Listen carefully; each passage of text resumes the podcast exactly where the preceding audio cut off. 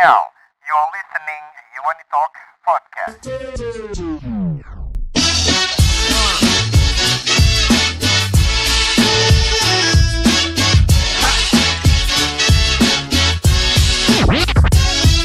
Assalamualaikum warahmatullahi wabarakatuh. Insan muda kali ini saya Akbar Safio bersama uh, Pak Ustadz Madroi atau Ustadz Madroi yang kita kenal di Dompet Duafa ini uh, sebagai uh, yang ngurusin jenazah atau barzahnya Dompet Duafa Pak Ustadz. Boleh ceritain dulu nggak Pak Ustadz? Pak Ustadz ini uh, sebagai apa dan kenapa bisa bergelut dengan perjenazahan atau ngurusin barzah di Dompet Duafa? Mangga Pak Ustadz.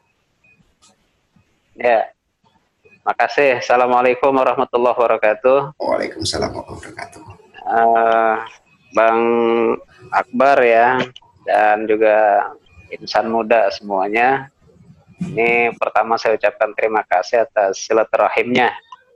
Meskipun memang melalui jalur teknologi seperti ini ya kita maklum dengan keadaannya ya. Pertama ya teman-teman di dompet dua apa memang mengenal saya itu disebutnya Ustadz Roy gitu ya. Cuman itu panggilan teman-teman aja. Jadi di dompet dua apa memang ada salah satu program yang bagi kita itu cukup uh, menantang yaitu barzah badan pemulasaran jenazah. Uh, ini sebetulnya di di apa di diresmikan di tahun pertengahan tahun 2012. Nah, saat itu uh, dikelola oleh salah satu uh, jejaring programnya Dompet apa. Kemudian di Maret 2013 saya dipercaya sebagai manajer program layanan Barzah Dompet Duafa. Uh, sejak Maret 2013 itulah sampai saat ini saya uh, masih mengelola dan belum ada tanda-tanda yang mau menggantikan. Tanda, belum ada tanda-tandanya ya Mas Ade. Ya, belum ada tanda-tanda yang mau menggantikan. Ya, memang ini program yang dikhususkan untuk uh, penanganan atau uh, pengurusan jenazah, mulai dari ambulannya sampai pengurusan jenazahnya. Ambulan saat ini kita punya ada empat unit, empat unit itu pengantaran memang kita untuk dalam dan luar kota. Ya, memang ini kita gratiskan semua ya. Artinya eh, buat orang-orang nggak mampu kita bebaskan biaya, sementara buat orang yang mampu ya kita persilakan berinfak berapa saja dia mampunya. Kira-kira itu.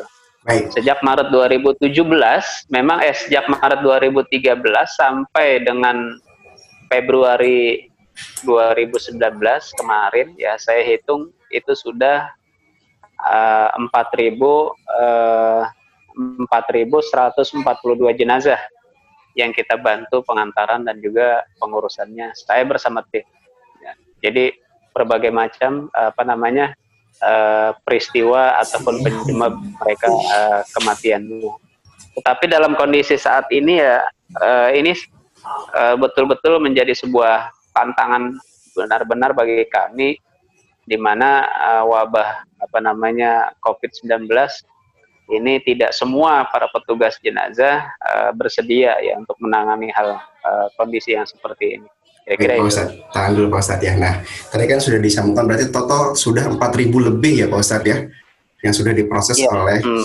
uh, tim Barzah yang dimanajeri oleh Pak Ustadz Roy di Dompet Duafa ini ya dari uh, pengurusan dan juga pemulasaran sampai proses ya. akhirnya di yang 4.142 jenazah itu itu jenazah yang biasa ya artinya ya. bukan COVID gitu betul, bukan, betul. bukan COVID. Nah. Itu jadi 4.000 jenazah biasa. Nah, Pak Ustadz mengenai uh, sekarang kondisi Indonesia ini bahkan di seluruh uh, di beberapa negara kan sedang terdampak wabah atau pandemi COVID-19 ini Pak Ustadz. Nah, untuk dari Pak Ustadz sendiri yeah. tadi sudah disampaikan di awal bahwa ada beberapa tim dari Barzah Dompet Duafa yang belum bersedia atau belum siap Nah ini kita dari proses uh, tim barzanya dulu nih Pak Ustadz. Kenapa Pak Ustadz sampai pada akhirnya teman-teman tuh di proses kayak seperti ini, di kondisi seperti ini masih belum beranikah atau gimana Pak Ustadz kondisinya? Ya, jadi gini, kalau teman-teman atau tim kita yang ada di Barza Dompet apa, ini memang mau nggak mau itu sudah menjadi amanah dan tugas, itu sudah sudah sudah menjadi tanggung jawab dan diterjunkan. Cuman yang yang menjadi yang menjadi patokan bagi kita adalah uh, petugas-petugas jenazah yang ada di lingkungan masyarakatnya ini itu mereka nggak semuanya bersedia gitu. Baik. Jadi kalau tim barzah sih semua semua terjun. Turun tangan ya Pak Ustadz ya. Dalam hal ini turun, berarti tim barzah ADD ya, kita, siap sedia ya. ya Pak Ustadz ya. Kecuali tim barzah ya, di lingkungan ya. masyarakat itu sendiri ya Tat ya. Jadi bukan jadi itu bukan tim Barza, bukan tim kita, tetapi okay. petugas amil jenazah yang ada di lingkungan dan itu bukan bagian dari tim kita sebetulnya. Baik, gitu. mohon maaf Pak Ustaz, saya klarifikasi dulu. Berarti insan muda, kalau tim Barza Dompet Duafa itu semua totalitas turun ke lapangan menangani uh, jenazah yeah, dari korban membantu, COVID. Yeah. Membantu ya Pak Ustaz. Yeah, Tapi betul. ada kala ditemui di lapangan adalah petugas amil dari masyarakat setempat atau daerah tersebut ya Pak yeah. ya. Iya, yeah, betul. Nah, kebanyakan yang ditemui sama teman-teman Barja di daerah kan ini udah mulai banyak juga nih Pak Ustadz. Dari kemarin saya baca penolakan-penolakan hmm. jenazah nih Pak Ustadz. Nah, kalau untuk dari proses yeah. tim dari Pak Ustadz Madroi dari tim Barja Dede, ketika penjemputannya itu berarti ke rumah sakit ya Pak Ustadz ya? Iya. Yeah. Jadi kan gini ya, kita sebetulnya punya rumah sakit dampingan untuk membantu penanganan ini. Ya, yang ada di kita itu adalah uh, rumah sehat, uh, rumah sakit, rumah sehat terpadu dompet duafa. nah, ini kan penanganan penanganan jenazahnya kan memang kita yang yang mengelola gitu. Artinya kita sesama dompet duafa tentu uh, kita memberikan support, uh, saling memberikan support. Intinya itu. Nah, di sisi lain dalam pengurusan jenazah uh, yang yang dikatakan positif ataupun PDP uh, eh, dalam hal ini kita tentu punya punya prosedur dan itu tidak tidak bisa kita lepas dari prosedur-prosedurnya. Uh, prosedur-prosedur itu uh, punya punya punya patokan ataupun baku dari dari dari dari yang uh, baik itu dinkes maupun uh, sisi agama ya fatwa-fatwa para ulama itu menjadi patokan kita gitu. Kira-kira gitu. Baik. Nah kalau untuk eh, kasus-kasus yang terjadi penolakan-penolakan ini Pak apakah sudah ditemui oleh tim hmm. uh, Barza Dede Pak Ustaz? Ya, tim Barzas justru uh,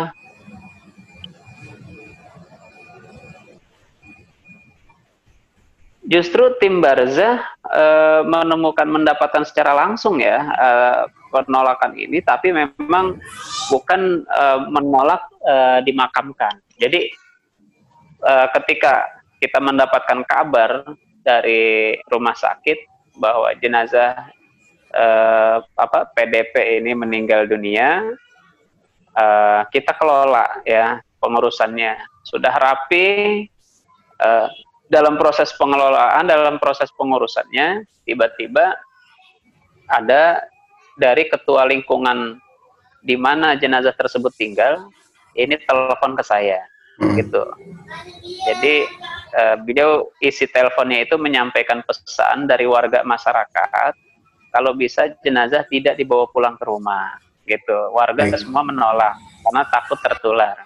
Ya memang ya kita pun memahami itu di tengah masyarakat ya dan SOP kita. Jadi saya bilang kepada ketua lingkungan yang nelpon saya itu eh, apa tanpa diminta pun memang tidak tidak mungkin jenazah itu kita bawa pulang ke rumah. Jadi standar sebagai prosedur adalah jenazah diurus di rumah sakit. Setelah itu eh, rapi disolatkan juga di, di, di rumah sakit tersebut, lalu dihantarkan langsung ke pemakaman.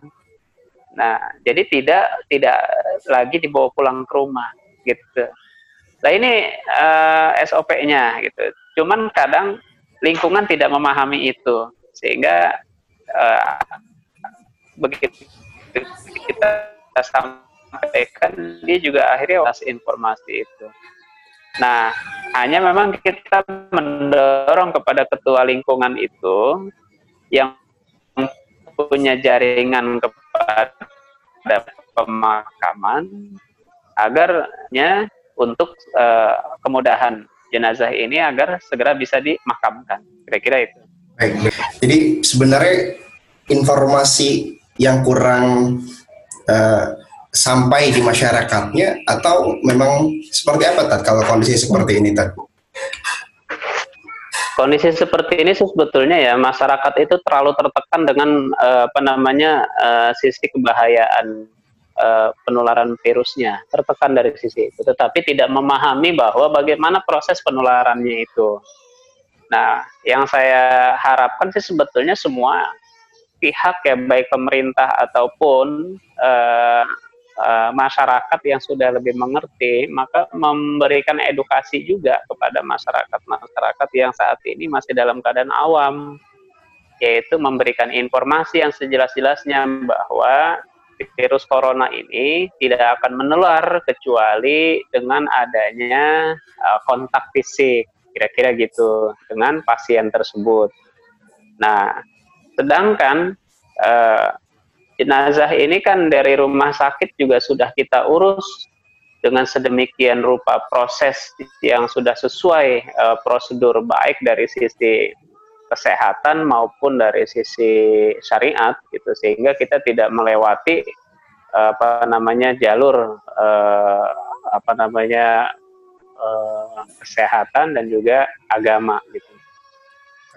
Lalu uh, yang harus apa namanya uh, yang kita lakukan yang pertama itu adalah uh, jenazah itu kan memang dibungkus uh, dengan kain kafan yang berlapis plastik. Jadi tidak tembus lagi udara, tidak tembus lagi air gitu ya, kedap udara, kedap air. Kemudian setelah dibungkus dengan kain kafan yang berlapis plastik double itu, lalu kita rapat, kita bungkus lagi dengan kain uh, apa kantong jenazah. Nah, kantong jenazah setelah kita bungkus dengan kantong jenazah itu baru jenazah bisa kita tayamumkan. Artinya tayamum di luar daripada kain itu. Supaya memang kita juga tidak bersentuhan langsung secara fisik. Nah, setelah itu baru kantong jenazah itu disemprot ya. Baru setelah itu kantong jenazah itu sebetulnya udah, udah dalam kondisi aman gitu disemprot dengan disinfektan juga. Nah, kalau memang masih ada kira-kira gitu peti peti mati ya peti, jenazah. Nah dipakailah peti jenazah itu juga nah, itu kan lebih lebih aman lagi artinya gitu. Peti jenazah itu kan di dalamnya sudah ada plastik lagi gitu. Itu semakin aman lagi dia. Nah setelah ditutup eh, apa namanya petinya tersebut eh, lubang-lubang ataupun celah eh, untuk eh, apa keluar misalnya apa tadi e, bakteri ataupun apa itu ditutup lagi dengan lakban gitu. Jadi e, semua sudah kita jalankan seaman mungkin lah gitu kira-kira. Itu pun petiknya masih kita semprot lagi dengan disinfektan. Nah teman-teman yang mengelola itu juga menjalankan e, standar APD.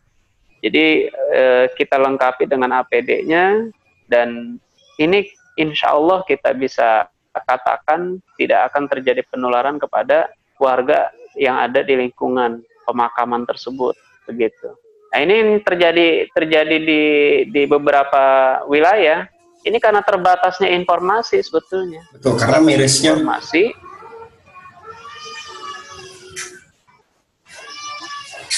karena miris sekali ya Pak Sadi kalau saya lihat gitu terakhir pun kemarin yang diberitakan juga bahwa beberapa daerah banyak bahkan sampai mobil ambulan itu tidak boleh masuk ke wilayahnya gitu. Ah, memang tidak semua wilayah, tapi ada juga wilayah yang memang paham bahwa ini tidak perlu ditakuti, asal yang penting kita paham seperti itu ya Pak Ustadz ya. Pasien tersebut. Nah sementara ini kan jenazah sudah berada di dalam uh, kan sudah berada di dalam kain kafan yang berlapis uh, kantong jenazah dan juga dalam peti jenazah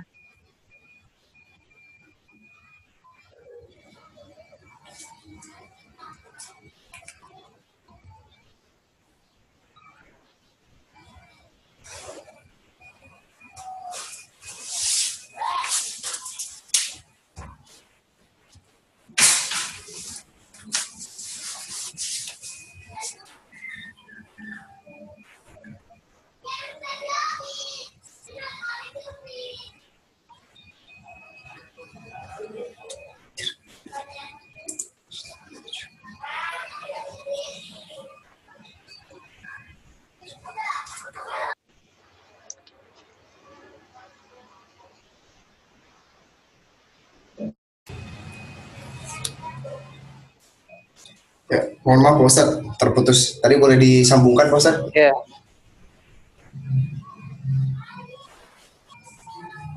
Ya, uh, intinya gini ya, uh, Bang Akbar dan insan muda bahwa uh, yang harus kita berikan penjelasan kepada eh, yang harus kita lakukan adalah memperbanyak uh, sosialisasi ataupun penjelasan kepada masyarakat yang saat ini masih sangat minim uh, apa namanya pemahamannya gitu. Bagaimana proses-proses penularan uh, virus COVID-19 ini. Nah, yang terjadi di masyarakat adalah uh, virus ini sangat berbahaya dan menular sehingga mereka ketakutan gitu. Sehingga pemakaman pemakam apa pemakaman jenazah yang ada di lingkungan itu ditolak gitu. Karena ketakutannya itu. Padahal virus corona ini juga menular kalau terjadi kontak fisik Betul. antara seseorang kepada pasien tersebut gitu. Kalau tidak ada kontak fisik ya maka tidak akan ada penularan itu. Dan itu pun uh, pemakaman sudah dikawal ketat dengan uh, apa namanya perlengkapan-perlengkapan yang dapat uh, perlengkapan-perlengkapan yang mengamankan. Jangan sampai terjadi ada virus-virus uh, yang bisa menyebar gitu kan itu artinya sudah sangat luar biasa ya upaya-upaya yang dilakukan gitu nah saya kira uh, sikap yang sikap penolakan ini adalah sikap yang ketakutan yang berlebihan yang tidak mendasar ini menurut saya uh, yang saya sayangkan yang sangat saya prihatin adalah bagaimana keluarga dukanya. Dia hmm. sudah mendapatkan musibah kematian. Ini kan orang-orang tersayang gitu ya, ya. Di, di, di apa di dalam kehidupan mereka. Yang kedua, dia mendapatkan intimidasi apa disebutnya penolakan seperti itu. Yang saya perlu garis bawahi adalah siapa pun ya masyarakat tentu tidak ada yang mau meninggal dalam kondisi dan situasi seperti ini. Setuju, Pak Saya yakin itu. Nah, bayangkan kalau itu terjadi pada keluarga Anda atau keluarga kita, gitu. Itu diperlakukan pula kita seperti itu oleh sebagian masyarakat, maka seperti apa? Dan kita yang mengantarkan jenazah tersebut juga eh, ini kewalahannya luar biasa karena kita menggunakan baju APD itu Gak usah kita berjam-jam. Dengan waktu yang 15 menit itu panasnya luar biasa ya Pak Keringat perjuangannya ya. itu luar biasa gitu. Iya. Ditambah kita harus me, me, apa namanya mendapatkan respon waktu. seperti itu ya. Iya. Respon seperti itu itu luar biasa sangat melelahkan bagi kita semuanya. Jika kita harus menunggu karena baju itu APD itu hanya sekali pakai. Jadi kalau kita sudah buka itu udah nggak boleh lagi dipakai. Betul. Gitu. Harus kita ganti. Sementara seragamnya itu kan dari atas ke bawah ini 500 ribuan itu harganya. Dan bukan masalah harga sih barangkali ya. Sekarang sulitnya mencari barang-barang itu. Betul. Gitu. Kalaupun ada ya sekarang ini juga sangat mahal sekali gitu. Ini sangat mahal sekali. Kira-kira itu. Baik baik Pak nah, Ini yang, yang yang terjadi ya. Berarti kalau untuk di tim Barzah Dompet Dua sendiri, tim Pak Ustadz bersama tim itu sudah memang kelengkapannya prosedurnya sudah sesuai anjuran kesehatan dan juga syariat ya Pak Ustadz ya. Tapi memang ya, pemahaman kita, kita, mm -mm, kita lengkapi dengan itu. Betul, dengan dengan sangat hati-hati dari proses awal sampai proses akhir. Dan memang di sini yang perlu ditingkatkan lagi adalah informasi yang didapatkan oleh masyarakat dan kita juga harus paham betul bahwa semua prosesnya sudah dilengkapi dengan sangat baik, sudah tertutup rapih dan sekali lagi bahwa adalah ini terkait informasi dan pemahaman ya Pak Ustadz ya. Ya, betul. Baik Pak Ustadz. Yang harus kita kita luruskan di tengah masyarakat. Baik, saya rasa cukup. Boleh Pak Ustadz sekali ya. sebelum kita tutup statement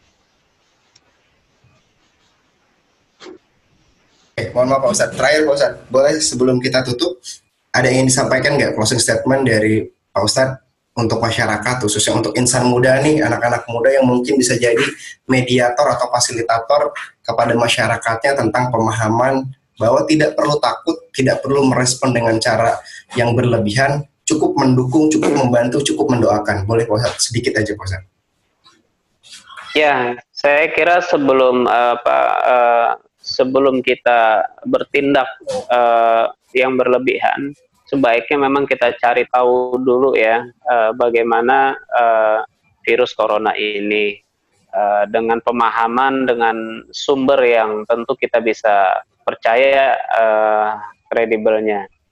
Kemudian saran saya, saya sangat meminta kepada segenap masyarakat, terutama insan muda, juga mampu memberikan pencerahan kepada masyarakat bahwa virus corona ini tidak menular kecuali dengan melalui kontak fisik antara seseorang dengan orang yang uh, terpapar gitu.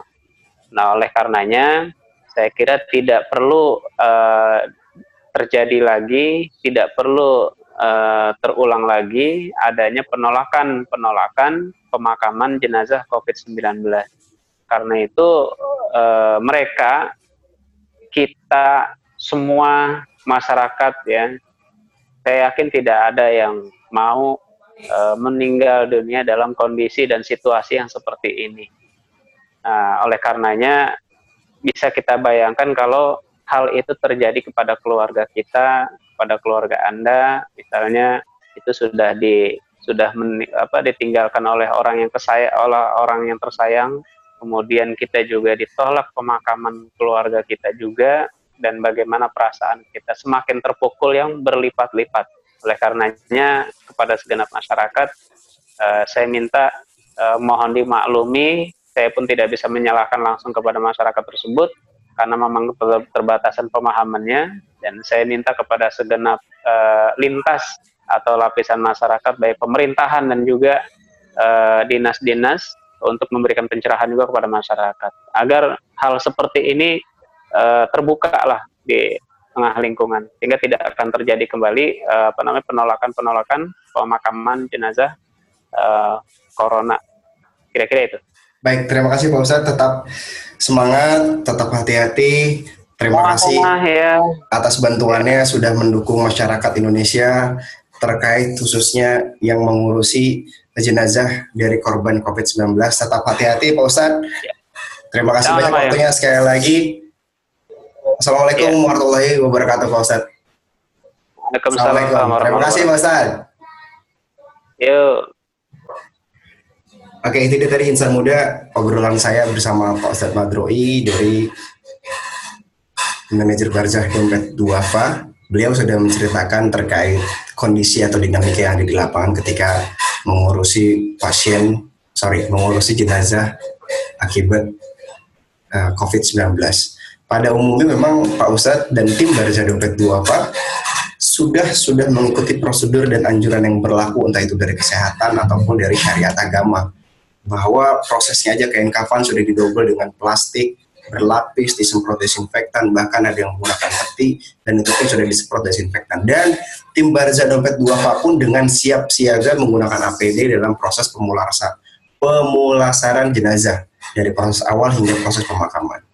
Jadi alangkah baiknya kita sebagai insan muda yang mungkin bisa menjadi media atau bisa menjadi fasilitator terkait sampainya informasi yang akurat dan valid bahwa ketika jenazah sudah diproses dengan sangat baik oleh tim jenazah mana pun ya salah satunya mungkin dompet dua mendukung dan membantu dalam hal ini dari persiapan ambulannya sampai juga proses jenazahnya tidak perlu ditakuti tidak perlu khawatir tidak perlu berlebihan dan untuk informasi di luar sana yang berkembang saat ini banyak sekali daerah-daerah yang menolak jenazah akibat korban COVID. Jangankan jenazah, ada beberapa kasus juga tenaga medis yang memang ditolak di kampungnya sendiri coba bayangkan itu akibat kurang informasi. Nah untuk itu insan muda yang mendengarkan Gimana Talk Podcast kali ini bersama saya Akbar Syafi dan obrolan saya bersama Ustadz Madroy dari Barza Dompet Duafa bisa menyampaikan bahwa kita tidak perlu panik, kita tidak perlu khawatir, kita tidak perlu takut.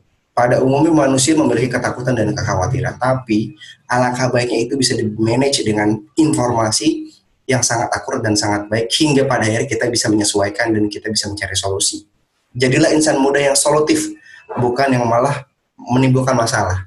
Jadi baiknya informasi yang tersebar di sana disaring baik-baik, apalagi apalagi kalau ada tetangga kita yang menjadi korban dan bahkan ada yang meninggal.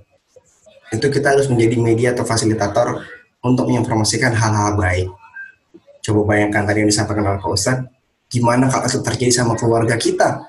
Keluarga kita sudah dapat musibah, bahkan ketika mau pulang pun atau mau dikuburkan pun masih mendapatkan kendala.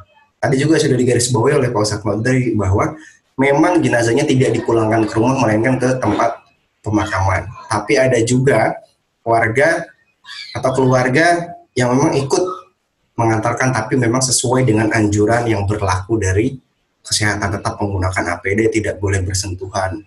Dan tim Barca Dompet Duafa bersama Ustadz Madroi juga timnya sudah lengkap, sudah sesuai dengan anjuran dan insya Allah sudah siap siaga dan untuk membantu masyarakat di luar sana. Jadi seperti itu pemerintah podcast kali ini bersama Ustadz Madroi dan bersama saya Iqbal kita ketemu lagi di Yunatok Podcast episode selanjutnya. Wassalamualaikum warahmatullahi wabarakatuh dan jangan lupa untuk tetap jaga kesehatan, jaga kontak fisik dan juga tetap jaga stamina dan juga jaga kesadaran kamu agar kamu tetap stabil dan imun kamu tetap kuat. Assalamualaikum warahmatullahi wabarakatuh.